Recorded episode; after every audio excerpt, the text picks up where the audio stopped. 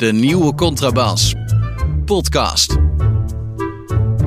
Over hedendaagse literatuur en de wereld daaromheen.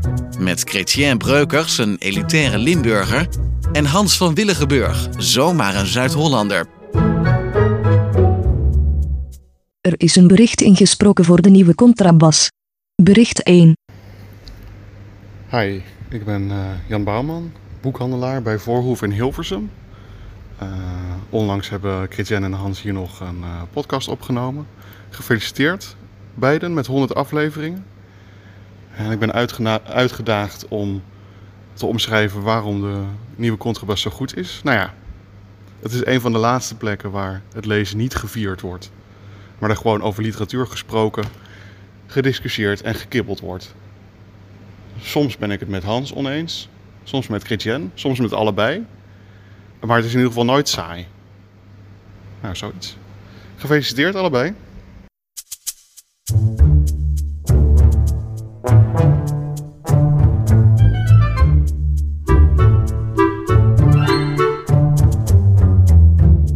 Als, als de dag van gisteren, Hans. Weet ik het nog. Jij niet? Eerste aflevering. Kun je het ja, weet je dat nog eens de dag van... Je, je, je, weet nog, je weet nog hoe we begonnen zijn. Je weet je eerste ja. Ja, ja, maar ik woonde toen weer net in Nederland. Ik zat toen in een heel klein short stay huisje, heette dat.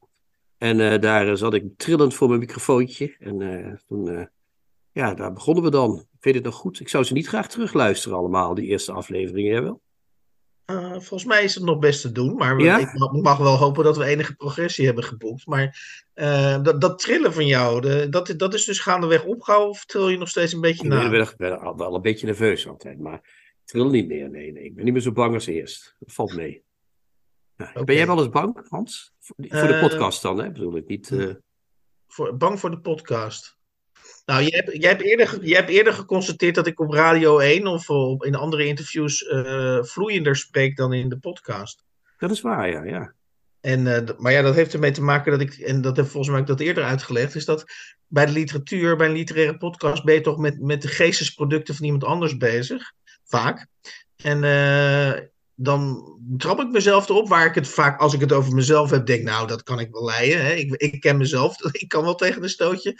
Denk ik toch, bij heel vaak ook met, uh, met schrijvers. Je weet, in een vorig leven ben ik uitgever geweest, dus ik weet dat die schrijvers, uh, niet dat ik daardoor bewust voorzichtig ben, maar ja, ik vind wel uh, dat je, dus, dus daar bouw ik af en toe wat extra bijzinnen in. Ja, ik was gisteren bij een presentatie van de boeken in Nijmegen, Hans. En ik kan zeggen dat dat wel goed is soms, wat jij zegt, iets inbouwen. Want ik trof daar Jos Joosten, wiens boek we besproken hebben. En niet zo, waren we niet zo van gecharmeerd van het boek. Maar die was echt woest, was die nog op mij. Ja. Dus uh, dat klopt wel wat je zegt. Die noemde mij zelfs debiel. Nou, dat is toch niet nou. vaak voorgekomen in het leven, moet ja. ik zeggen. Maar, maar dat is ook een vraag die jij werpt er nu bijna zelf op, namelijk na 100 uitzendingen. En volgens mij heb ik hem eerder ook op, opgeworpen. Uh, zijn we wel controversieel en gevreesd genoeg? Nou ja, uh, misschien wel, maar dan hebben we het zelf niet door. Of nou, ja.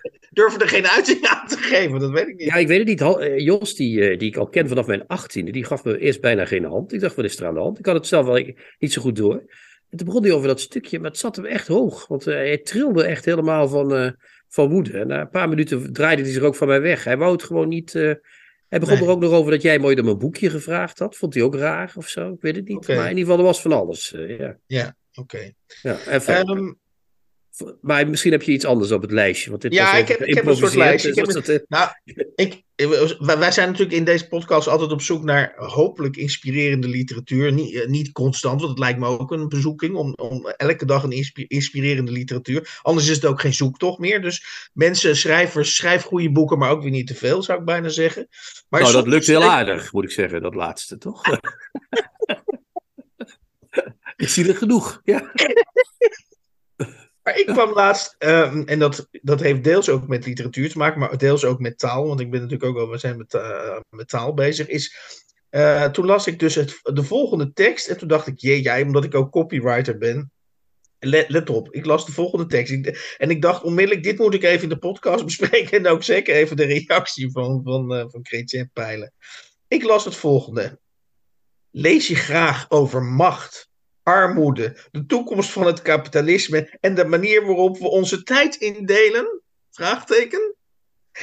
Ontdek de boeken van uitgeverij Vrij Nederland. Echt waar? Oh, die gaan ook een uitgeverij beginnen, die schatjes. Ja, dat, dat doen ze natuurlijk dat doen ze net Dat als de correspondent, correspondent. naar. Ja. Maar, maar hey, krijg jij zin om, om eh, als je de zin leest, lees je graag over macht, armoede, de toekomst van het kapitalisme en de manier waarop we onze tijd indelen? Nee, maar ik denk dat het met de Vrij Nederland net zo gesteld is, eerlijk gezegd, als ik eh, dat zo zie, als met de Haagse Posten tijd, Hans. Eh, het, is, het, het is een beetje een achtergrondgevecht geworden, toch? Niet, het is allemaal een beetje van, nou ja, laten we nog maar eens wat proberen, maar ach, het, is, het heeft iets, ik word er wel droevig van, eerlijk gezegd, toch?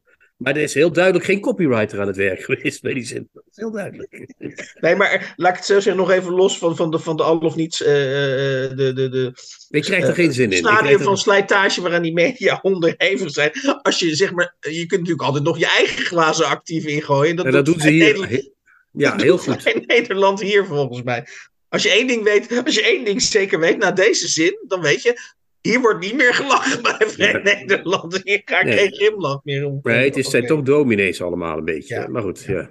Eh, dan wil ik ook, eh, eh, en zeker in aflevering 100, wil ik even onze straatje helemaal schoonvegen. Dat wil zeggen dat we, dat we weer 101 weer helemaal met, we doen dit ook met frisse moed, maar dat we weer helemaal met frisse moed naar 101 kunnen gaan.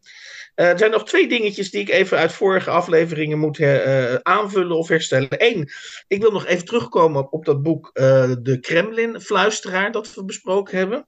Ehm, en wat ik, waar, waar ik troep is dat ik achteraf dacht: God, nou ben ik één essentieel ding, zeker in verband met de Oe- Oekraïne-oorlog, vergeten. Ergens in dat boek, en nou ja, ik kan niet dat hele boek opnieuw introduceren, moet u maar even naar de betreffende aflevering eh, luisteren. Eh, maar ergens in het boek, in het boek ehm, ehm, eh, discussieert de adviseur van Poetin met Poetin over de Grote Vaderlandse Oorlog. Nou, dan leven we net na die 9 mei-viering, dus die Grote Vaderlandse Oorlog in, in Rusland is weer even helemaal op het netvlies.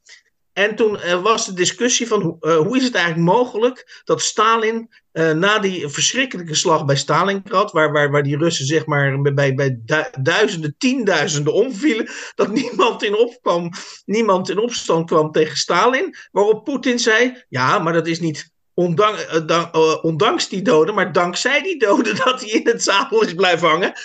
Dus dit is, dit is een, apo, weliswaar niet, eh, maar een soort apocrief citaat eh, eh, van Poetin. Dus met andere woorden, alle mensen die nog hoop koesteren dat de- deze oorlog misschien snel ten einde komt. Ik, de, Poetin redeneert dus dat hoe meer doden er aan de Russische kant vallen, hoe meer het zijn gezag eventueel of zijn status zal verhogen.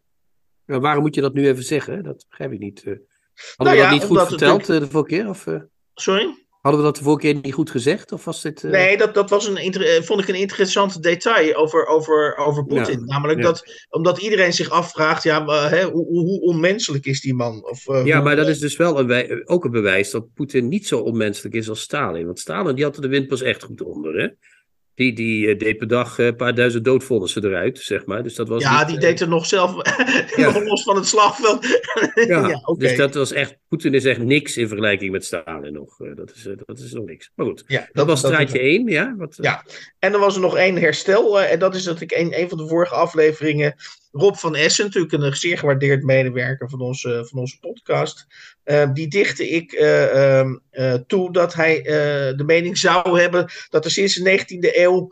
geen vormtechnische vernieuwingen meer in de literatuur zouden zijn geweest. Maar dat, dat, dat, dat, dat is net verkeerd. Hij bedoelde in de 19e eeuw met de feuilletons in de kranten. eh, ehm, dat was zeg maar de hoogtijtijd, hoogtijd tijd van de, van de literatuur. Dus Ja. met andere woorden, dat, dat was zeg maar bedrijfseconomisch voor de li- literatuur. En ook in kwantiteit en in populariteit was dat een uitzonderlijke tijd. En dat is eigenlijk sindsdien eigenlijk eh, langzaam afgelopen. Dus hij bedoelde niet vormtechnisch, maar eh, vooral eh, in, ehm, Economische zin, zeg maar. in economische zin. Ja. Ja, dat verbaasde me toen al. Maar goed, dat is goed dat je dat even zegt. Ja. Ja, en dan heb ik nog een, eh, een, een, een verzoek aan onze luisteraars. En ik denk, ik ben, bijna zeker dat er een luisteraar moet zijn eh, die dat even voor ons kan opdiepen. Ik zelf, eh, wij weten, ik heb het ook eerder bij jou opgebracht. De, of de schrijver en critica Anne van den Dol, die heeft, een, die heeft eerder in onze uitzending gezeten ehm, eh, van de recensen- op de recensentendag. Van, Bazar, van Bazarov, hè? Wat was het ook Ja, van Bazarov. En daar pleiten zij voor redelijke kritiek. Eh, nou, ja, Ja, eh, vonden wij toen een beetje tegen? raar, hè? Ja. Dat vonden wij eh, wat minder. Maar eh, ze heeft in de Poëziekrant heeft ze een, eh, eh, eh, een ehm, recensie geschreven over de nieuwe dichtbundel van Philip Huff. ja, dat is op zich al erg genoeg natuurlijk. Ja, goed, en daarin zit de eh, op zich heel stekelige zin. En dat, vond ik, dat was dus heel erg in tegenspraak met wat ze bij ons beweert, namelijk dat ze heel erg voor redelijke kri- kritiek is. Eh, daarin staat de zin: Lange tijd zocht ik in de voorbereiding van mijn poëzielessen naar goede voorbeelden van slechte poëzie. En die waren nu gevonden, zeg maar. Ja. Maar ik heb de poëzie, want jij wilde graag die tekst hebben, hè? Dat is Ja, waar je dus- naartoe dus- wil, of niet? Ja, En ik heb het Poëziecentrum, want die geeft die krant uit, heb ik een mailtje gestuurd of wij, dat kunnen, of wij een inlog kunnen hebben. Maar daar heb ik nog niks op gehoord. Dus eigenlijk moeten we het Poëziecentrum aanslingeren. Jongens, Ja, geef eens of, antwoord. eh, ja. Of, eh, dat is dus mijn idee, iemand van onze luisteraars heeft een abonnement op, po- op de Poëziekrant. Ja, nee, we willen gewoon een inlog op de, als abonnement. Dat, is beter. Maar ja, Kun je vaker kijken. want, want ja. ik ben wel heel nieuwsgierig, dat zal niemand verbazen. Wij zijn nieuwsgierig naar die recensie van Anne van den Doel over Ja. eh, de gedichten van Philip Huff. Dan worden we toch nog Anne van den Doel fans. Dat zou leuk zijn. Ja. Goed. Eh, even kijken, dan had ik nog één reactie van een luisteraar. Dat, ehm, verder anoniem, of dat heb ik niet onthouden. Foei, foei, foei. ja, dat is Eh, en dat Ja. ging over literaire kritiek. En, en die gaf als. eh, want die heeft heel goed kennelijk geluisterd naar onze aflevering eh, van de Recensentendag over literaire kritiek. Die zei. Ik betrap mezelf erop dat ik überhaupt geen literaire kritiek meer lees, omdat heel vaak de inhoud van een boek verklapt daarin wordt. Dus dan, dan, lees ik, dan lees ik het hele, daarom lees ik het helemaal niet meer. Ehm, ja, ik weet niet. Het is natuurlijk wel zo dat. eh, omdat Maar dat vind ik een beetje, ik weet niet wie het was. En ik hoop niet dat het Mhm. iemand is die ik ook ken. Maar dat klopt niet helemaal, wat hier gezegd wordt. Nou, Lees jij zo laat, vaak, laat ik eh, die, laat, ik, verklappen? laat ik die reactie één, eh, verdedigen. Mag jij, er, mag, jij hem, mag jij hem aanvallen? Ik denk wel doordat die stukjes in de kranten steeds kleiner worden, die, die recensent gedwongen wordt een steeds groter deel van zijn stuk te besteden aan wat er in het boek staat. Dus aan de samenvatting ervan. Ja, maar dan, doen ze vaak, dan zijn het vaak van die samenvattingen in de trant van... Dit is een even intrigerende als eh, boeiende roman eh, over eh, het huidige tijdsgevricht. Ja, dan vind ik niet echt een plotspoiler, eerlijk gezegd, meestal. Jawel. Mhm, mhm. Dat zijn dan van die, van die, dat worden van die stukjes die er vroeger over films in de televisiegidsen stonden. Van die nietszeggende kleine rotstukjes. Dus ze gaan niet de inhoud verklappen, maar ze moeten inderdaad iets over het boek zeggen. En dan hebben ze geen tijd meer om te zeggen wat ze van het boek vinden. Ja, Nou, en dan vervalt de hele functie van de kritiek daarmee in zo'n kort stukje natuurlijk. Dus, dat, exact. eh, exact. dus dan kan ik me voorstellen dat je het niet meer leest. Maar ik kan me niet voorstellen dat je het niet meer leest omdat, het, omdat er iets over het boek wordt gezegd. Want ik lees heel veel literaire kritiek en er wordt eigenlijk helemaal niks in gezegd. Dat is eigenlijk het raarste. dus, eh, dus, dus, dus dat is allemaal tekst waar niks in staat. Dus je kunt het inderdaad niet lezen. Maar als je het leest, word je er ook niet veel wijzer van. Ja, Dus maar je kunt het dus ook de redenering omdraaien en, zeg, en dan zeggen wat je dan nog leest of wat er als tekst staat. Dat, eh, dat is dus vaak een spoiler. Of, of- Nee, dat is niet waar. Dat is geen spoiler. Ja, ik blijf het. Ja, sorry Ja, ja, Hans, je probeert mij maar. iets in de mond te leggen wat ik niet gezegd heb. Mhm. Het zijn geen spoilers. Het zijn geen spoilers. Dit doen ze niet. Dat, is ook, dat vinden ze weer kinderachtig. Ik denk dat ze het heel vaak. Ik vind de meeste kritieken zo, en daarom lees ik ze ook meestal niet. Lijken alsof het boek niet gelezen is. Dat is het eigenlijk eerder. eh, Dat, alsof het boek half of, of helemaal niet gelezen is. Dat is het. Mhm. Ja. Zo, dat is een. Je legt hier even een beschuldiging neer bij. eh, Nou ja, niet een beschuldiging. Dat is niet. eh, Ja. Het- Er staat Nou, vaak zo weinig in dat je denkt: ja, waarom, ze- waarom zou je überhaupt het boek lezen van tevoren als je zoiets schrijft? Ja. Toch? Dan zouden we er een keer met een voorbeeld erbij kunnen doen. Maar eh, Ja. dat hebben we al eens eerder gedaan trouwens. Dus, eh, Ja. Nou heb ik nog een eh, oud puntje en zo oud dat ik dus ook niet meer weet uit mijn hoofd waar ik deze reactie vandaan heb. Maar er kwam mij ter oren of ik las ergens of iemand stuurde mij een mailtje erover. Dat weet ik dus niet meer. Zo, dat er- zijn we vandaag.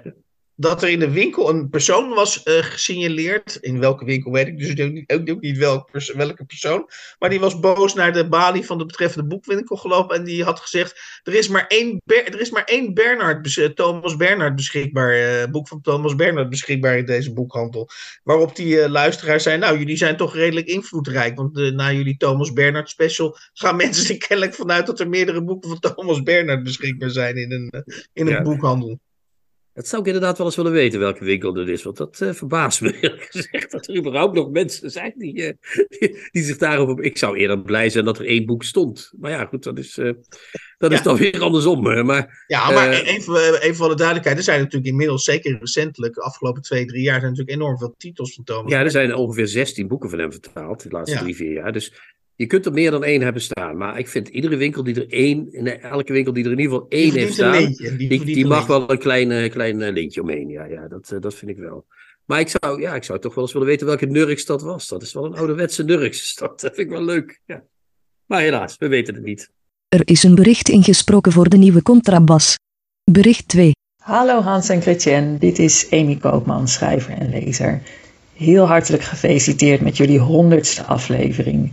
En ook heel hartelijk bedankt voor al het leeswerk dat jullie verrichten.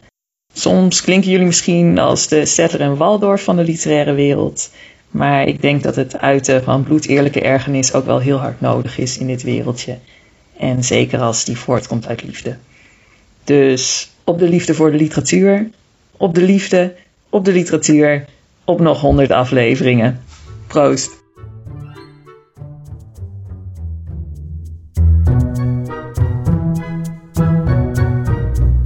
De nieuwe Contrabas. Podcast.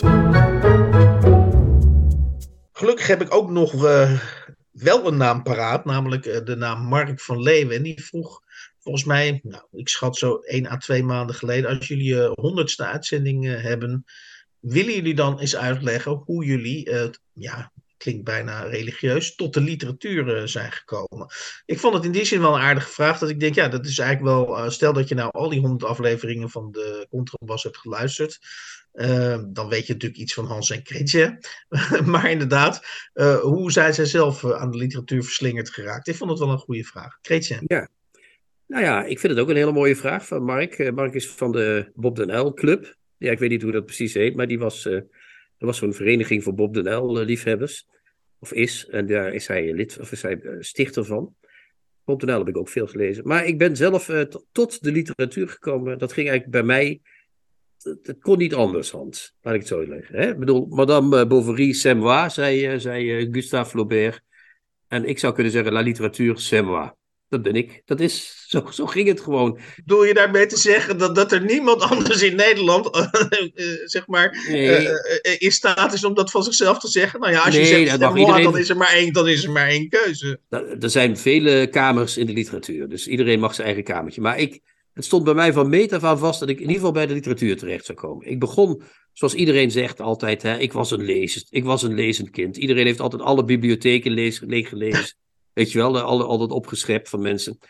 Ik was ook zo'n kind. Ik vrat alles wat, alles wat van, zeg maar, van, uh, van margarinedoosjes tot, uh, tot uh, Brint, de achterkant van de Brinta-doos, tot boekjes, tot alles wat er was, las ik. En ik las dus, toen ik klein was, wat er bij ons in huis stond. Toon Kortooms, Arendsoog, Pim Pandoer.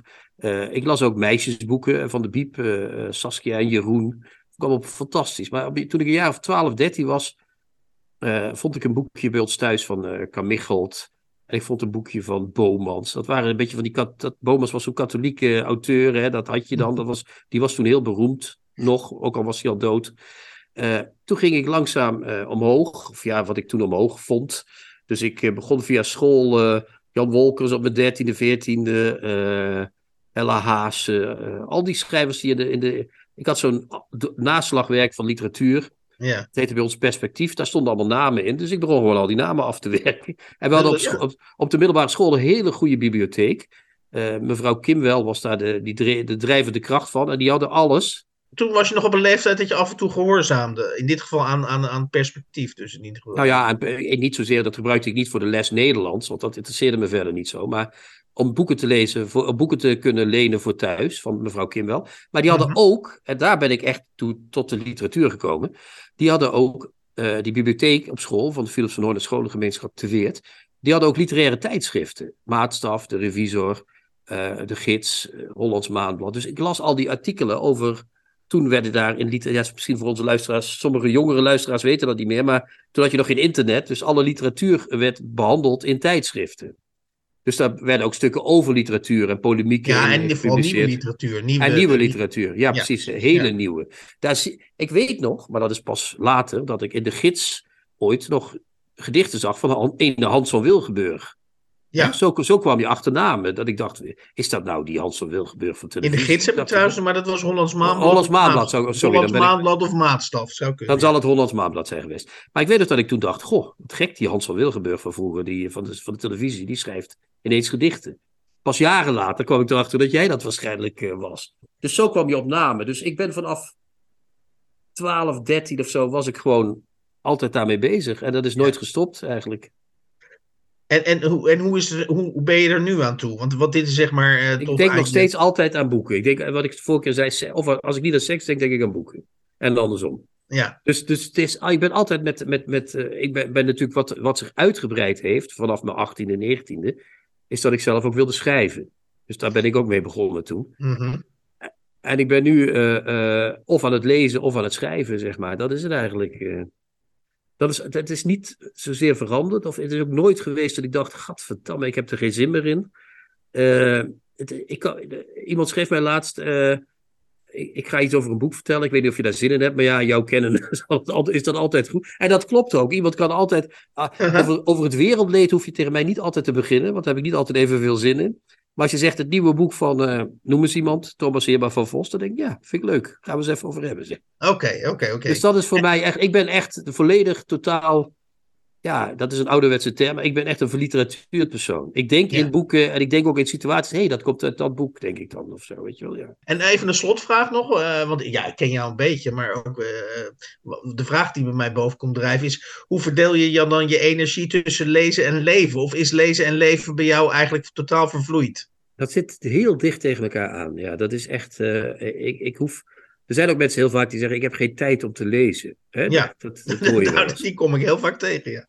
Ja, dat zijn mensen die dus, eh, eh, denk ik, eh, die hebben va- vast heel veel belangrijks te doen. Maar het, het, het, het is niet zo moeilijk om een uurtje per dag vrij te maken. Voordat je gaat slapen, even lezen. Waarom zou je altijd bezig zijn? Die mensen zijn altijd aan het rondrennen door het park. Of die moeten dan weer kinderen in het gelid trekken. Dat kun je allemaal doen en dat kun je nog combineren met dat lezen en met dat schrijven. Vind ik wel een mooie opmaat naar mijn verhaal. Wat Ja, zo- want jij hebt eigenlijk nooit zin gehad om te lezen. Wat bedoel je? Eh, dat niet. eh, ja. Ik ben benieuwd. Er is een bericht ingesproken voor de nieuwe contrabas. Bericht 3. Anton de Goede hier.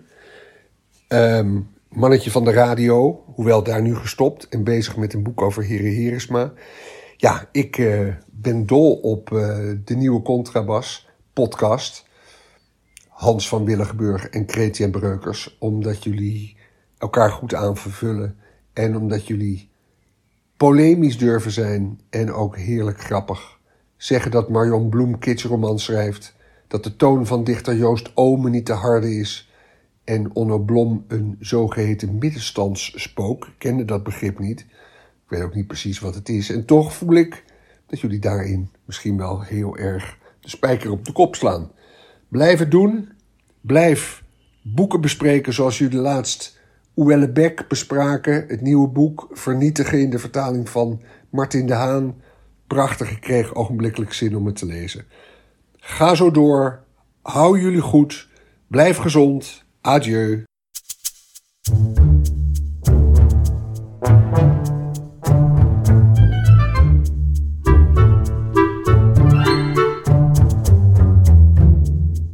Goed, eh, eh, dan komen we dus bij, bij mijn, mijn verhaal, zou je kunnen zeggen. Eh, hoe ik tot de literatuur ben gekomen. Ja, dat is voor mij eigenlijk al een veel te gezwollen titel. Bij jou past die, vind ik wel. Maar, maar bij mij is dat allemaal, denk ik, wat prozaïscher.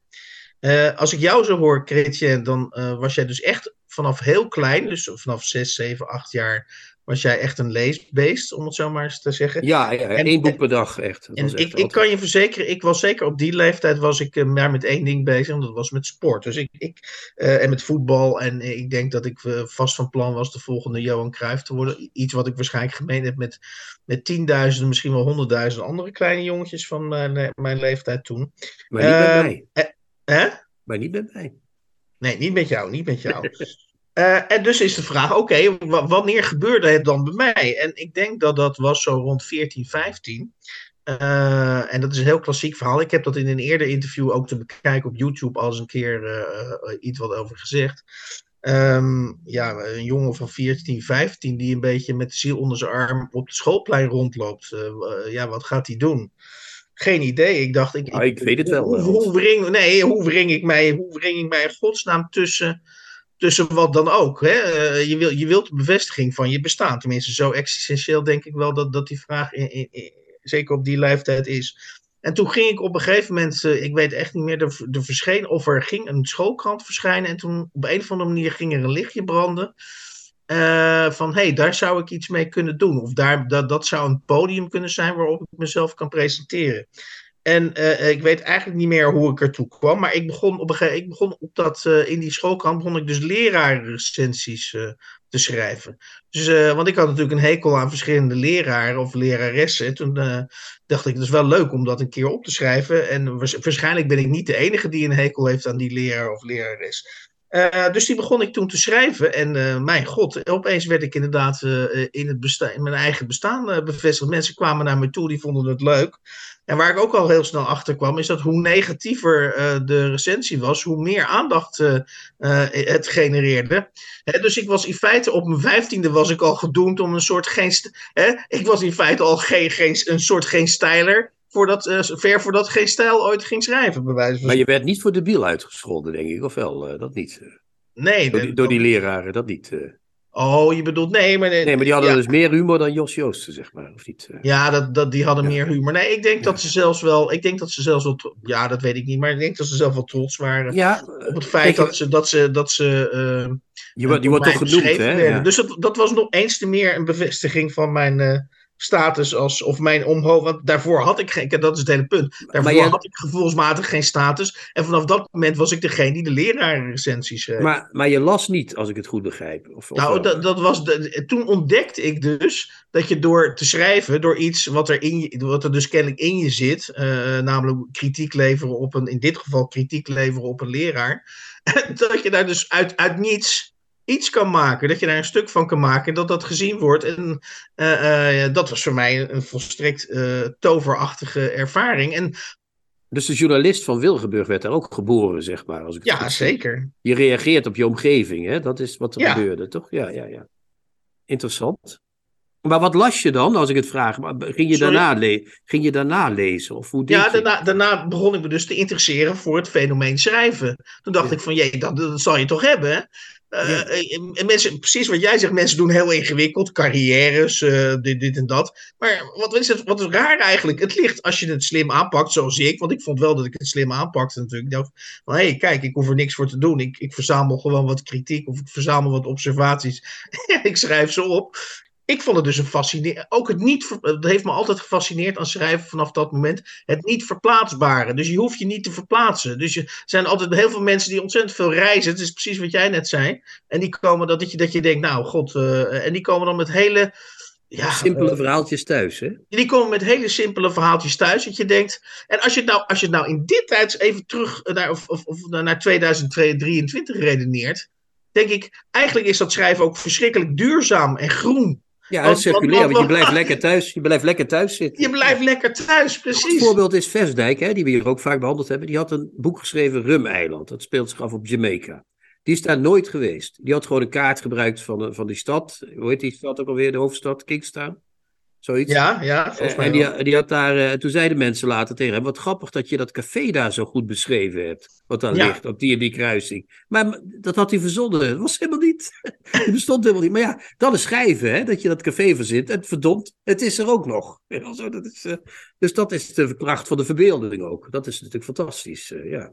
Zeker. En toen, en toen was het natuurlijk maar een kleine stap. Toen was het vervolgens nog maar een kleine stap naar het beginnen te lezen van Gerrit Komrij. Die zeg maar daar, daarin herkende ik dus een geestverwant. Iemand die dus ook louter door, door, door uh, observatie en door het leveren van kritiek of misnoegen, hè, dat is het ook in zekere zin, ja. uh, aandacht genereerde. Ik zag natuurlijk heel snel al dat hij dat oneindig veel beter kon uh, dan ik zelf op dat moment. Maar goed, hij was natuurlijk ook wat rijper en, wat meer levenservaring. Ik, ik heb, heb jij die televisiekritieken toen ook Ja, die, ik vond dus die, te, dat, dat, dat, dat herinner ik me dus, dat ik het, die bundel Horen, Zien en Zwijgen, dat ik die onder ogen kreeg.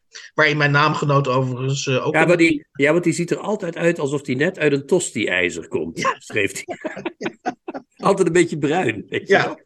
En ik weet, ik weet het nu al, Chrétien, hoewel ik destijds ook veel televisie keek, omdat er was soms niet veel anders te doen. Ja, er was ook te lezen, maar ik keek ook veel televisie. ik, deed, ik deed aan banale dingen als sporten, televisie kijken, al die banale dingen. En toch was het meer. Ja, maar dat deed ik ook natuurlijk. Ik ging niet, uh, ik zat nee, niet. Okay. Ja. En toch was het in één keer duidelijk dat een stukje van Gerrit Komrij oneindig veel leuker was dan welk televisieprogramma ook. Dat, dat, dat, dat, ja, ja, dat was gewoon een, dat was, voor mij was dat een ervaringsfeit. Ik keek uit naar dat nieuwe stukje van Gerrit Komrij. Ja, precies. Dat is heel grappig. Ja. Dat is, dus we zitten ergens toch op, dezelfde, op hetzelfde spoor, zeg maar. Alleen bij mij begon het wat eerder misschien, maar... Nou ja, bij mij kwam het meer vanuit het lezen, zeg maar. Dat is wel Mhm. zo. Bij jou komt het dus echt vanuit het schrijven. Vanuit het, Ja, hey, puur vanuit het doen. schrijven, klopt, klopt. En bij mij kwam het echt al vanaf heel jongs af aan uit de magie van het lezen. Maar ik denk dat ik mij. Ik voelde mij thuis niet op mijn plaats. En ik denk dat dat lezen voor mij altijd een soort, soort afleidings. Hoe moet je dat zeggen? Daar kon ik me mee Mhm. afsluiten, zeg maar. Ja, Als ik las, kon ik zeggen: Ik ben aan het lezen, ik ben er niet. Dus daarmee Ja, sluit je je ook een beetje af. En dan, kun je, dan ben je in een andere wereld. Je hoeft maar een boek open te slaan en je bent in een andere wereld, natuurlijk. Hè? En dat is, een, dat, dat is waar ik liever was dan thuis. Dus dat is denk ik wat bij mij de trigger was. Of, hè? Dat, dat was het punt waarop ik dacht: ja, dit is voor mij bijzonder. Want hier kan ik weg. Ik kan hier iets anders doen. Maar ik wist ook meteen, daar hoor ik bij. Dit, dit is, dit, al die werelden zijn van mij, weet je wel. Zo, dat vond ik Zeker, fantastisch. ja. zeker. En, en, en ik denk inderdaad wel dat je kunt zeggen dat ik natuurlijk veel meer een veelvraat ben geweest. Wat ten aanzien van dat schrijven. Want ik ben vervolgens literatuur, Nederlandse literatuurwetenschap gaan studeren. Eh, niet dat je daar nou zoveel wijzer van wordt. Hoewel eh, misschien eh, langs een omweg toch ook weer wel. Daarna ben ik natuurlijk ook eh, heel veel, heb ik heel veel commerciële dingen gedaan. Dus ben ik ook copywriter tot op de dag van vandaag. Maar wat ik dus heel erg leuk vind om nu even een paar sprongen te maken. En dit verhaal niet al te lang te maken. Ik hoop dat Mark van Leeuwen eh, in ieder geval een beetje tevreden is gesteld. Ik denk dat, ja, ik zou als ik hem was echt heel blij zijn. Want zo vaak doen we Eh, dat niet. Mensen. Nee, maar wat ik dus mooi Ja. vind nu aan de nieuwe contrabas, en ik weet absoluut, kijk, we vieren nu de honderdste aflevering, eh, en daar ben ik hartstikke blij mee, en daar ben ik ook in zekere zin trots op. Eh, wat, wat mij dus heel erg aan de nieuwe contrabas aanspreekt, is eh, hoewel we soms bij elkaar komen en naar elkaar toe reizen, eh, ja, is- geldt ook hier, eh, we, we verplaatsen, hoeven ons niet te verplaatsen om dit te maken. Nee, en, en, en we- je bent er toch ook vaak mee bezig. Net zoals met die boeken. Ook Ja. al lees je niet, je, in je hoofd zit je toch te denken: wat zal ik eens, hoe zal ik het eens zeggen volgende week? Weet je wel? Dat soort dingen, ja. Ja, Dus en er zit ook, misschien zit er bij ons beiden ook een soort, zit ik nu, zit ik nu live te bedenken, zit er ook een soort arrogantie mm, ja, bij ten opzichte van de werkelijkheid. Wat ik over de werkelijkheid vind of denk, is bijna altijd toch nog wel interessant. Nee, nee, nee. Nou, Dan, dat is dan, de wel waar, dat- zelf, dan de werkelijkheid zelf. eh. Nou, dat vind ik wel een punt wat ook daarmee te maken heeft. Want kijk, als je je met literatuur bezighoudt, dan hou je je bezig met de formulering van een werkelijkheid, hè, sowieso. Dat liefst zo mooi mogelijk, hè, dus dat, dat, daar kun je over van mening verschillen. Ik vind Mhm. sommige dingen mooi en weer andere niet. Ehm, maar je bent wel bezig met een manier om naar de werkelijkheid te kijken. Heel veel mensen denken, als ze maar de hele tijd in de werkelijkheid rondlopen en naar het nieuws kijken en op Twitter rondhangen, dat ze dan de werkelijkheid zien. Maar dat, is, Ja. dat vind ik, eh, nou, dat is die arrogantie, dat vind ik heel schraal als je dat denkt. Dan denk ik, dat is net als naar Thailand gaan en dan zeggen, ik heb de cultuur daar leren kennen. Wat dat heel veel mensen zeggen als ze terugkomen van Thailand. Nee, je hebt daar op het strand gelegen, je hebt je laten masseren. Dat zijn twee andere dingen. Zijn dat. Dus in die zin, eh, dat is ook cultuur, zegt Erik, en dat is zo. Maar een andere cultuur is dat. Ja. Dus daar, daar, daar kun je wel. eh, ja, het is een arrogantie, maar het is wel zo. Het maakt je toch eh, in zekere zin slimmer, vind ik. Niet, niet beter, zoals sommige mensen zeggen, of empathischer. Maar, je, maar je, gaat, je ontwikkelt een soort kennis, dat wel. Nou ja, en ik, ik, ik, ik noem het net arrogantie, maar je kunt het ook eh, een slagje sympathieker zelfvertrouwen noemen. Hè? Dus eh, eh, eh, een soort oh, schild opbouwen tegen de, wat de werkelijkheid, precies wat je, of tenminste, ik denk dat je dat ook bedoelt. En die werkelijkheid is, is verschrikkelijk opdringerig, doet, doet aan alle kanten pogingen om jouw aandacht te kapen. En om je naar beneden te trekken, om, om plat te worden. Hè? De werkelijkheid is plat natuurlijk. Nou Toch? ja, je moet meer geld verdienen, je moet dit doen, je moet dat doen. Je moet beter zijn. Iedereen probeert op social media een beter mens te zijn. Ja. Dan sla je een boek open, dan lees je over een heel slecht mens. En dat is heel lekker. Is dat dan, eh, ja. Zoiets of niet? Ik ben het helemaal, ik, eh, ik eh, lijkt me Ja, ik weet niet. Ik, ik wilde je niet. eh, Nee, nee, nee, maar nu nu ik kijk je denk, ineens dat, ik, ik, denk je- dat, ik denk dat we ons. ik, ik denk dat we ons. Ik denk dat we ons redelijk bloot hebben. Ja, prima. Ja. Heel goed. Fijn om te zien, Hans. Er is een bericht ingesproken voor de nieuwe contrabas. Bericht 4. Dag, makers van eh, de nieuwe Contrabas. Hier is eh, Jacques Koch in het hoofdkantoor van het literaire platform Schrijvers en Piemels. Allereerst proficiat met jullie honderdste podcast. Ik ben een vaste luisteraar en ik herinner me buitengewoon goede afleveringen, maar ook afleveringen waarin nou, de snaar misschien wat minder strak stond. Als ik alle afleveringen een cijfer geef, wat ik gedaan heb, dan kom ik uit op een gemiddelde van 7,5. Dat is een beetje een niet-zeggend cijfer, maar vermenigvuldig 7,5 met 2 en je zit op 15. En dat is volgens de meest recente onderzoeken de gemiddelde lengte in centimeters van een piemel in opgewonden toestand. Wat dat verder ook te betekenen heeft, voor de makers van de nieuwe contrabas lijkt me dat een groot compliment. Tips van de week. Boeken, artikelen of pamfletten die boven het maaiveld uitsteken. Dan komen we nu bij het, bij het klassieke gedeelte van uh, de nieuwe Contrabas podcast. En dat is natuurlijk de bespreking van de boeken. En we hebben dit keer, en dat zeg ik op voorhand, alvorens we gaan losbranden, twee boeken de, deze keer die ik heel erg gemist heb in, qua genre en qua schrijfstijl in die Libris, in die Libris nominaties. Dit zijn wat mij betreft allebei speelse boeken waar een soort, soort kinderlijk plezier in doorklinkt. De eerste boek wat we gaan bespreken is van Delphine Leconte. Um, zij is inmiddels eigenlijk een soort eenmans of een soort eenvrouwsmerk in, in de literatuur geworden. En zij heeft een nieuw, heel dik boek. Het is met, met afstand haar dikste boek tot nu toe. Het boek Wie heeft Delphine Lecon vermoord? Chrétien. Ja, en het boek uh, heet inderdaad zo en het is uh, 500 bladzijden dik. En geeft geen antwoord op de vraag wie Delphine Leconte vermoord heeft. Kan ik alvast plot spoileren, nu we toch bezig zijn. Echt waar? Oké, nou ja. Ja, min of meer wel. Maar da, ja, wie heeft het kind in Delphine Leconte vermoord, zou je kunnen zeggen. Maar uh, het is een autobiografisch boek, als ik het zo zou mogen zeggen. Uh -huh, uh -huh. Uh, in korte hoofdstukjes opgedeeld. Uh, doet sterk denken aan. Ze had drie delen Beschermvrouwen van de Verschoppelingen. een aantal jaar geleden gepubliceerd. Dat waren ook allemaal korte stukjes. Die nou, tot, vrij, tot zeer recent. Ze heeft er, in hoofdtempo zijn die, drie, zijn die drie delen verschenen. Ja. Ja, en ze is nu, na, nadat die drie delen verschenen waren, zei ze in een interview dat ik op YouTube heb gezien, dat ze bezig al nummer 4, 5 en 6 ook al af had. En ik heb het idee dat deze roman, die ze nu publiceert, dat dat delen 4, 5 en 6 van de beschermvrouwen van de verschoppelingen Oké, okay, maar dat is, speculatie, dat is speculatie. Dat is speculatie, maar ik zit er niet ver naast, denk ik. Maar uh, het is dus een boek waarin uh, een uh, ik-figuur, Delphine Leconte, vertelt over haar leven. waarin, zoals gewoonlijk, om de twee zinnen drie of vier bijvoeglijke naamwoorden voorkomen. in verschrikkelijke scènes ook, waarin kindermisbruik en geweld tegen de jeugd voorkomt. Gek genoeg toch op een vrolijke manier vertelt over haar hele leven tot nu toe. Toch? Ja. Dat is ongeveer Ja. wat het is. Ja, Korter kan ik het niet maken. En het wordt afgesloten, de roman, niet onbelangrijk, eh, met een nawoord. Een heel bijzonder nawoord, wat het hele boek in een heel ander perspectief zet. Vind je ook niet?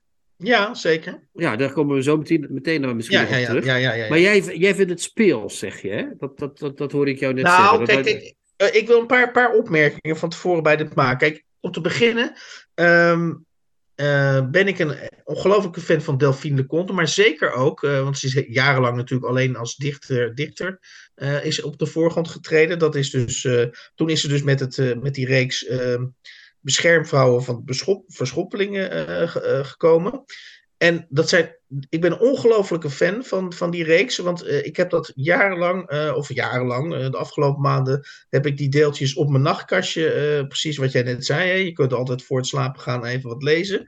En ook, ik lees vrij weinig rond de podcast om. Daar, daar heb ik inderdaad weinig tijd voor. Maar het leuke van die serie die ik net noemde, Beschermvrouw van de Verschoppelingen, waar, waar dat allemaal kleine verhaaltjes waren, eh, die je dus columns, heel makkelijk ja. voor het slapen gaan er nog bij kunt lezen. En ik, ik had echt het idee, eh, en dat vind ik nog steeds, dat het, het, uh, Delphine Leconte lezen werkt op mij als een soort injectienaald. Van, je, je, je injecteert je met een bepaald soort energie, met een bepaald soort speelsheid, die zij in elk van die stukjes opnieuw weet te bereiken. Uh, dus heel constant qua niveau. En vandaar dat ik enigszins angstig aan dit boek begon, dat ik dacht, oeh, nu, moet ik, nu word ik bijna gedwongen om Delphine Leconte niet meer in in, in kleine injectienaaltjes op te delen. Maar nu wordt het echt één grote injectienaald van 500 pagina's. Hoe ga, ik, dit over, hoe ga ik dit overleven? Is dat geen overdosis? En was het geen overdosis volgens jou? Nou ja, het, ik, ik, ik, ik zou wel aanraden als mensen dit boek lezen. Uh, van, ja, probeer het ook een beetje uh, in hapjes op te delen. Ga het niet inderdaad in één keer. Want je zei al terecht van. Uh, hoewel ik dus Delphine bewonder om haar stijl. Is het natuurlijk onmiskenbaar het geval dat op een gegeven moment die bijvoeglijke naam worden, zeker als je ze dus uh, in één keer uitleest, die, dat, dat begint wel een obstakel te worden inderdaad. Ja, ik merkte heel sterk bij het lezen van dit boek, wat heel erg vintage uh, uh, Delphine Leconte is, hè, waarin alle figuren weer terugkomen. De, de, uh -huh. de kruisboogschutter, de vrachtwagenchauffeur, alles en iedereen, -huh. de, de, de pedofiele tuinman. Uh, alles komt terug. Uh, maar ik merkte bij mezelf, dit boek is 500 bladzijden. Uh, weliswaar korte hoofdstukken. Maar de 150 bladzijden kreeg ik mijn eerste kleine inzinkmoment. -huh, -huh. Dat ik dacht, nou, ik vond het in het begin echt fantastisch. Ik las het en ik dacht, nou, hè, hè, wat grappig. Ja. Wat, wat, dit gaat de goede kant op. Dit wordt een soort verbeterde versie van Delphine Content. Nou, bij bladzijde 150 had ik een soort eerste inzinking. Toen dacht ik, nou weet ik het wel. Nou, toen heb ik me uiteindelijk doorheen geslagen, zou ik kunnen ja. zeggen. Mm-hmm. Uh, het is een, uh, wat ik het mooie vind aan dit boek is dat het zo'n genadeloos portret is. Zo'n zo zo niets portret. En dan aan het eind krijg ik toch het idee. Ja, nou nee, dan laat ik nog een tussenstap nemen. Ik denk wel dat het een aaneenschakeling van bestaande stukken is geworden. Dat ze dat noemt, ze noemt het een roman. Mm-hmm. Maar het is het, het is het niet. Het is een, gewoon een verzameling losse verhalen, toch? Ja, maar er staat geen roman. Hè? Als we het even. Uh, jo, ik, ik verwijs even naar Jonica Smeets, die natuurlijk uh, bij uh, aflevering 99 nog even inging op de genre-indeling, ook in verband met de literaire prijzen. Er staat, ja. ik, ik, kijk op het boek en er staat nergens roman op. Ja, ik zit even te zoeken naar de, of er dan. NUG 320. Dat is volgens mij wel. Of is dat literair proza? Het is een NUG-code, dat is in de boekhandel een indeling. 23, literaire non-fictie algemeen. Nee, dan is het geen roman. Nou, oké. Okay.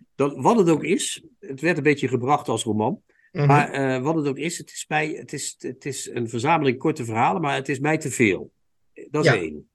Dus ik, voor mij hoeft dat geen 500 bladzijden. Achteraf is mijn angst, vind jij gerechtvaardigd, dat ik dacht, oef. Ja, uh, wat, ik, wat ik als individuele injectiespuitjes heel erg aangenaam vind, is als één blok uh, boek is wat, wat, wat lastig veel. te ja. ja, ik vind dat zij een beetje aan hetzelfde euvel leidt waar Herman Brusselman soms aan leidt. Namelijk, het is grappig, maar als je alles wat je schrijft publiceert, wordt het op een gegeven moment een beetje te veel. Heb je wat ik bedoel? Maak ja, de, doe de helft, is ook leuk. Dat is één. En het tweede is dat ze dan in het nawoord nog een soort... Uh, laat ze nog een soort, uh, een beetje Multatuliaanse toespraak, de hoofden van de bak, gaat ze erop in dat zij vindt dat uh, de MeToo-beweging zich vooral richt op blanke, slanke, uh, mooi ogende, lief uh, klinkende meisjes. Mm-hmm. Niet op de psychoten en de magere, haakneuzige, ja. misbruikte kinderen, dat die worden, worden vergeten. Die mogen misbruikt worden, maar die, die, die, krijgen, die worden niet gehoord, weet je wel. Ja. Ja. dus dan maakt ze er een soort, dan blijkt het niet ineens alleen maar literaire non-fictie algemeen te zijn, maar ook een soort pamflet is het ja. dan ineens. Ja. een pamflet voor de, voor de mismaakten en de uh, bultigen. Van komt tot mij en uh, ik, zal, ik Delphine Leconte, zal jullie uh, beschrijven. Of ik ben -huh. ook zoals jullie. dus dan, dan denk ik, ja, wat is nou precies de bedoeling van het boek? Weet je wel? Wil je een boek maken? Wil je literaire non-fictie Ja, algemeen? maar jij bent toch niet zo schools chrétien dat een boek een bedoeling moet hebben? Nee, toch? Nee, dat helemaal niet. Zij zegt dus zelf dat het een bedoeling heeft. Namelijk uh, dat zij dus vindt dat die, dat die mensen niet gehoord worden. Dus zij heeft hier een boek gemaakt waarmee ze gehoord wil worden. Ja, maar, toch? Je, ja, maar is, met dat naamwoord, dat hoeft dat, dat, dat kan een.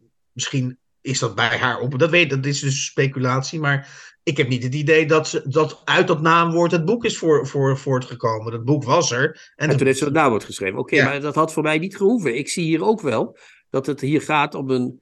Uh, zoals het beschreven staat. Hè? Ik zeg nadrukkelijk zoals het beschreven mm-hmm. staat lelijk, psychotisch, uh, ja. of in ieder geval psychisch zwak eh, figuur die wordt misbruikt in de jeugd. Ja, ja. Daar gaat het over, dat boek. En dat is heel sterk, op, bij vlagen heel sterk geschreven. Maar wel, wat mij betreft, wordt dat iets te veel uitgewalst. En dat zou je dan met dat volgende boek wat we kunnen, willen bespreken. kunnen- Ja, ik wil nog één ding, Maar, over, Delf- we- ik wil nog één ding over Delphine zeggen. Ehm, en dat is dat ik heel erg. Kijk, ha- haar kracht is haar volstrekt individuele idioom waarmee ze schrijft. Je, na, na twee regels of na, na drie regels weet je, dit is Delphine Leconte. Dus ze heeft een heel sterk handschrift. En ik hou intens van dat handschrift. En daar Ja. mag. eh, ik daar ook mogen hoor, nog- ik ook, ja. en, en daar mag nog heel veel volgen. Alleen ben ik dus heel erg bang. Want dat is, dat is zeg maar eh, haar grootste tussen aanhalingsprobleem. Want dat is niet haar probleem, denk ik. Maar als criticus, wij, wij, wij, wij zitten hier deels als critici. Is dat je inderdaad denkt, natuurlijk na, na, na weer een Delphine komt. Precies wat jij over Herman Brusselman schreef. Wat zou, hoe zou je nog als. als hè, eh, waarom zou je nog, eh, eh, omdat zij juist zo idiomatisch schrijft. Ik valt er dus heel weinig nieuws misschien te schrijven over, over zo'n nieuw boek van Delphine Leconte. En dat heeft mij, ik heb dat ook voor mezelf opgeschreven, dat ik de volgende angst heb over Delphine Leconte. Eh, dus als ze luistert ooit, eh, Delphine, zorg dat dit niet uitkomt. Ik heb dat een beetje in de stijl van Delphine proberen te, eh, samen te vatten. Delphine zal uitgroeien tot de meest aangestaarde, onbegrepen, excentrieke, over de tong gaande Vlaamse tv-ster met een door critici doodgezwegen oeuvre dat astronomische verkoopcijfers verdient. Dat zou, het zou inderdaad zomaar kunnen, ja. ja. Maar ze heeft, mag ik daar dan toch nog op reageren? Of hebben we Ja, natuurlijk. De, de, zij heeft ooit gezegd in een interview: ik zou net als Raymond Carver zou ik een goede redacteur willen hebben. En dat is voor Raymond Carver bekend dat er, er werden de helft van die verhalen werd weggegooid eh, door die redacteur.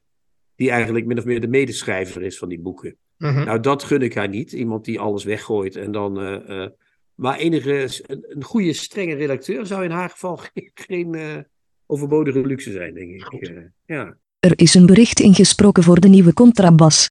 Bericht 5. Lieve mensen, Louis Nanette hier vanuit Pattaya, Thailand. Ik wilde graag hierbij Hans van Willigenburg en Gretchen Breukers feliciteren met hun honderdste uitzending van mijn favoriete podcast over literatuur, de nieuwe contrabas. Laatst was ik in een Thaise massagesalon en daar zag ik vanuit mijn ooghoek Philip Huff liggen. Hij werd gemasseerd en hij had een koptelefoon op. En toen ik nog eens goed keek, zag ik dat de kleine traantjes van zijn wangetjes biggelden. Ik eh, liep er naartoe en ik vroeg: Philip, wat is er aan de hand? Waarom ben je nou aan het huilen, man? Je wordt gemasseerd. En hij zei: Nee, Louis, ik kan, hem, ik kan het niet helpen. Ik luister naar de nieuwe contrabas. En ik zei: Maar Philip, waarom? Waarom moet je dan huilen? Dat is toch hartstikke leuk en informatief en spannend. En vooral heel eerlijk. En toen zei Philip: Nee, Louis. Ik vind het pijnlijk. Ik vind het flauw. En vooral heel, heel oneerlijk. Hans, Gretchen, of Gretchen en Hans, nog vele jaren, ga zo door. Jullie zijn mijn beste medicijn voor mijn ja, problematische darmen. En nog vele andere kwalen. Doei!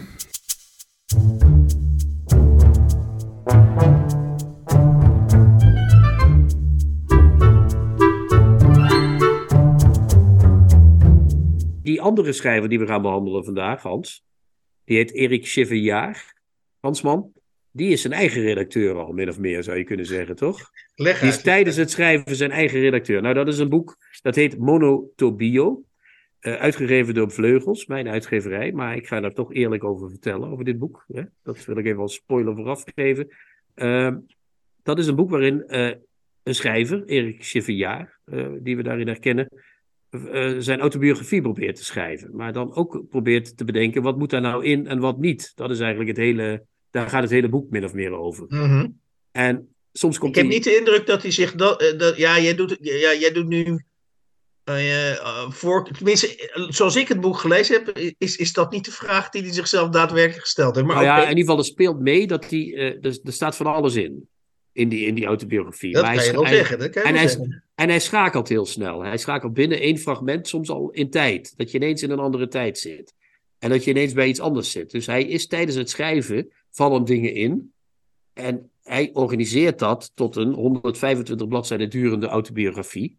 Maar niet tot een. eh, eh, dus hij re- redigeert ook tijdens het schrijven. Begrijp je wat ik bedoel?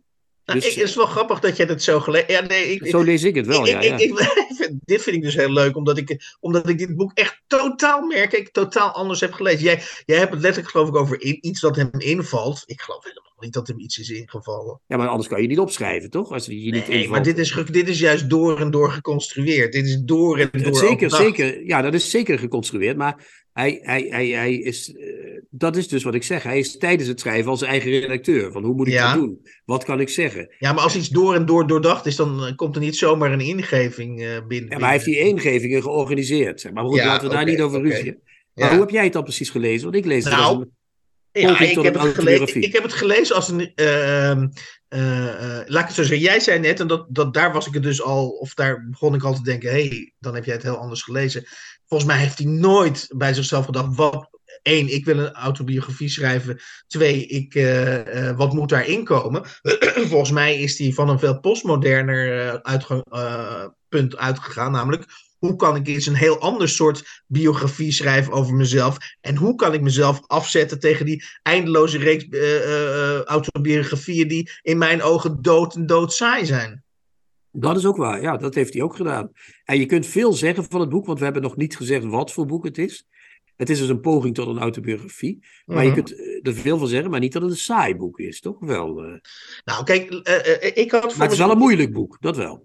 Ja, vind ik, ja. kijk, wat, wat, hij, wat hij doet volgens mij, en da- daar is hij echt heel goed in geslaagd, dus ik ben absoluut positief over dit boek, is dat hij ehm, dat hele ehm, genre van de autobiografie of van de biografie overhoop gooit. En dat hij in feite oorzaak-gevolg, eh, wat, wat heel vaak in biografieën, oh, die persoon of ik had zo'n en zo'n jeugd. En daar hebben we dus eigenlijk wat we net hebben gedaan, een beetje uit ons ver- verleden verklaren waarom we nu zijn zoals we zijn.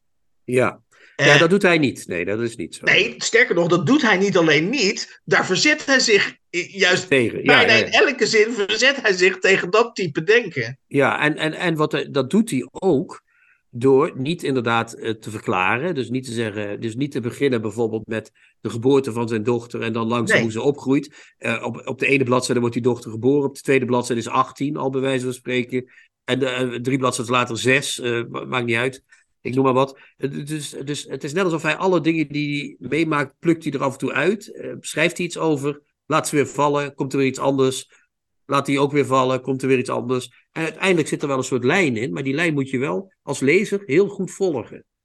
Kijk, waar je bij Lecolte meegaat op die golf van die bijvoeglijke naamwoorden, moet je Mhm. hier per fragment bij Chevillard bijhouden, waar, wat lees ik nou eigenlijk? Want anders ben je de draad volledig kwijt. En ik moet zeggen dat ik hem nog regelmatig kwijt ben. Ja, nee, maar het, ik heb dit ook helemaal niet gelezen. Ik vind dat opnieuw grappig, want, want ik heb dit ook helemaal niet gelezen met, met, het, eh, met, met de instelling van ik moet dit begrijpen. Ik heb genoten van de manier waarop hij, waarop hij eh, erin slaagt om op een amusante manier, wat mij betreft, eh, ja, een hele onorthodoxe autobiografie eh, Ja. te schrijven. En niet alleen haalt. eh, eh, ve- ik, ik ben hier dus geneigd een veel plattere taal. Niet alleen veegt hij zijn reet af met oorzaak en gevolg. Maar dat doet hij ook met belangrijk en onbelangrijk. Dat is En zeker dus, zo. ja. dus de, de- de- al die doodvervelende biografieën met. Oh ja, dat is allemaal te verklaren vanuit die en die gebeurtenis. Of vanuit die en dat en dat sleutelmoment in iemands leven. Nee, eh eh Chevillard gaat al, eh, juist op zoek naar al die zogenaamd ogenschijnlijk onbelangrijke momenten in zijn leven. Die misschien toch via een omweg ergens weer iets mee te maken eh, hebben. En ja, dat, dat vind ik een ge- geweldig spannende exercitie. En in pagina, op pagina 69 eh, st- staat dus een citaat waarin exact zeg maar de, de, de grondgedachte van dit boek naar voren komt. En daarom lees ik het dus ook even voor, pagina 69. Wat is eigenlijk nog het lot van iemand die getroffen wordt door geheugenverlies? Vraagteken. Is het niet het geheugen dat in zijn vertekende versie van het verleden alles recht trekt en verheelt? Dus als ik dit goed lees en vertaal naar het boek wat eh, Erik Chevillard heeft geschreven, zegt hij dus eigenlijk: in al die biografieën wordt alles rechtgetrokken en verheeld. En dat, dat heb ik in mijn boek nou eens niet gedaan. En dan krijg je zo'n soort boek. Ja, maar dan is het dus ook, en dat vind ik het verschil met Leconte. Bij Leconte, Leconte benadert alles met een bombardement aan zinnen. En met steeds die bijvoeglijke naamwoorden, opsommingen, gruwelijke Ja, gebeurtenissen. maar- Eén na één na één na één. na één. Ja, maar dat, Dat doet is heel op een fenomenale manier wat mij betreft. Oké, dan kunnen we. Ja, oké. Dat is één. Maar hij doet het. Hij beschrijft ook iets, eh, ook zijn eigen leven. Hè, dat zou je ook kunnen zeggen. Dat is wat hij hier in dit boek Ja. beschrijft. Eh, maar hij organiseert, hij eh, combineert, hij eh, doet aan schrijfkunst, zou je kunnen zeggen. Meer dan Leconte. Dat, dat kun je toch niet ontkennen? Ja, maar jij, jij, jij wat ik wel grappig vind, is dat jij geneigd bent bij deze, bij de bespreking van dit boek, eh, in termen, of tenminste, ja, ik, ik, dat, daar, ik, ik ben geneigd dat dus. Ja, maar ik vind dit wel echt getuigen van meer schrijfkunst dan, van Le, dan Leconte. Vind jij dat niet? Nee, dit is bijna dingen op, dit is upside down, dit is bijna revolutie, dit is bijna in een hele vriendelijke vorm, amusante vorm, maar dit is gewoon revolutie in feite. Want, Ja, maar dat, dat kun je toch alleen maar doen als je heel goed kunt schrijven. Zeker. Dat bedoel ik eigenlijk te zeggen. Ja, Daar zitten we ergens op een verkeerd spoor. Maar Ja, maar schrijfkunst, dat, dat, dat, dan, dan zie ik iemand een leuk, leuk eh, sier, sierkrulletje tekenen. Nee, nee, nee, dat is, dat is, dat is, dat is, dat is krullentrekkerij. Schrijfkunst is dat je kunt schrijven. Dat is zoals. En hij zit ook niet voor niks natuurlijk, die Cheviard, eh, bij Minuit. Hè? Dat, is die uitgeverij waar vroeger al die nouveau romans uitkwamen. Dus eh, hij komt wel degelijk uit een bepaalde traditie, zeg Ja, maar. Maar, ik- maar het is een. Ik, ik moet zeggen dat ik dat Monotobio echt een. een eh, ja, ik vind het echt bijna een geniaal boek, moet ik eerlijk zeggen. Ja, ja ik vind het geniaal. Nou, in die zin, het is dunner. Maar ik heb Mhm. er langer over gedaan dan over Leconte, zeg maar. Dat is wat het is. Ja, ja, ja, zeker. zeker. Dat, dat, dat, daarom moet ik ook steeds aan die twee boeken samen denken. Ja, ik ga nog proberen een laatste zin voor te lezen als afronding van dit boek. Het is een hele moeilijke zin, dus ik hoop dat ik er, ik hoop dat ik er Ja, het, is, het valt niet mee, inderdaad. Ja, het is een, een, een- Maar dit is, eh, dit is, hier gaat hij dus opnieuw in op, inderdaad, op het feit dat hij dus. eh, eh, eigenlijk is dit een vertaling van zijn filosofie over hoe je naar een leven kan kijken. Kennelijk kan het dus zo zijn dat de trein der gevolgen, die zich zo riskant over steile hellingen waagt, en als hij een helling mijt, is dat omdat hij een donkere gang door de rotsen heeft geboord, van ver komt. Dat hij zich lang voor onze geboorte, of nieuwe incarnatie, in beweging heeft gezet en op snelheid is gekomen. Ja, het kan zijn dat nog eerder dan de zweepdraad van de winnende zaadcel zich vleugels, poten, zwemvliezen en staarten hebben geroerd om de dynamiek een zwieber te geven en de route van onze reis op aarde te bepalen. dat vond ik wel een mooi einde, toch?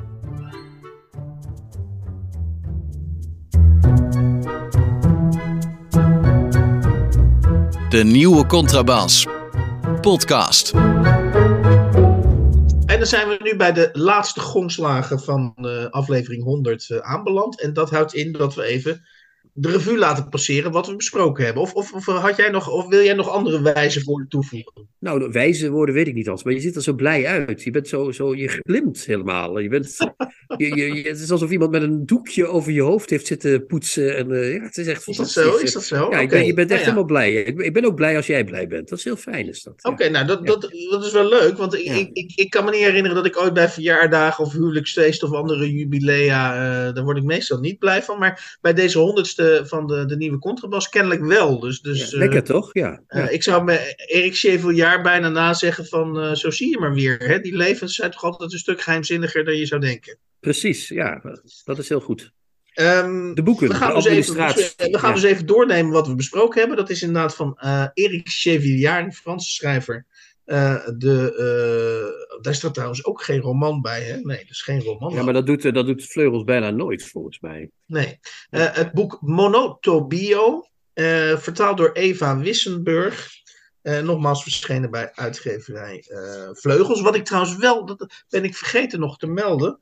Wat ik tekenend vind, is dat dit boek nog niet. Ik heb dat nog niet in een grote krant gerecenseerd nee, nee. zien worden. Grote Zo zie je maar weer. Je hoeft die recensies inderdaad niet te lezen, want over de leuke boeken wordt niet geschreven. Dus Nee, dat is eigenlijk nou, een betere reden. Ja, Ik ja. kan me een tijd herinneren waar zeker een boek als dit, een balda je zei het net, eh, of nee, ik zei een baldadig boek als Monotobio, dat dat ge- gevoelensfrissen was voor de critici. Maar Ja. Nou, zelfs eh, Michiel Krielaars wordt niet wakker meer van dit soort boeken. Nou, dan is het toch wat aan de hand. Maar goed, Ja. oké, ja. Ga Eh, verder, dan Hans. bespraken we het, eh, het eh, eh, volvette boek van, nieuwe boek van eh, Delphine Leconte. Wie heeft Delphine Leconte vermoord? Verschenen bij Borgerhof en Lamberichts, een eh, bekende uitgever te Gent. Ja, we zijn heel benieuwd naar de rest van het oeuvre van Leconte, toch? Wij blijven het wel volgen, toch? Wij blijven het absoluut volgen. Ja, ik, het, het- het- dunnere boeken mag de volgende keer. Ja. maar, eh, maar we En, blijven ik- het en ik volgen. ben ja, ja. puur uit human interest, uit journalistieke interesse, ben ik heel benieuwd hoe haar literaire ster zich zal gaan verhouden tot haar audiovisuele ster. Want zij is inderdaad eh, een bekende Vlaming inmiddels. eh, Ja, terecht ook. Ja, ja. Ja. We, hebben nog, ja, we hebben nog één ding, Hans, voordat we weggaan. voordat we, Eén dingetje. Ja, we hebben nog een één felicitatie van iemand die we niet kennen, maar die wel Ik, iemand ken- ik- kent. Ja. Ja, eh, laat ik het zo zeggen. is- Ik ken, die, ik ken die persoon wel eh, en ik weet ook hoe die, hoe die persoon eruit ziet, maar ik weet eh, zijn naam niet. Dus Dat is wel heel dat is op, een- op een jubileum wel heel klunzig. Hè? Maar goed, oké. We, we Ja. hebben dus een, de, de partner of de vriend of de wat dan ook van Wilma Scheffers hebben we hier hè? aan Ja. het woord. Want Wilma doet ons de groeten. Dankjewel Wilma. Maar wie is de man? Dat is de vraag aan het eind. En daarmee Exact. gaan we eruit zo meteen. Dus luister er even naar en geef ons door wie het is. En tot die tijd zeggen wij dus weer zoals gewoonlijk tja tja, tjoe tjoe. ciao, ciao, ciao. Er is een bericht ingesproken voor de nieuwe contrabas. Bericht 6. Ik feliciteer de podcast De Nieuwe Contrabas van harte met aflevering 100. Geweldige podcast, een geweldige titel. De Nieuwe Contrabas, hoe verzin je het? Ook namens Wilma Scheffers.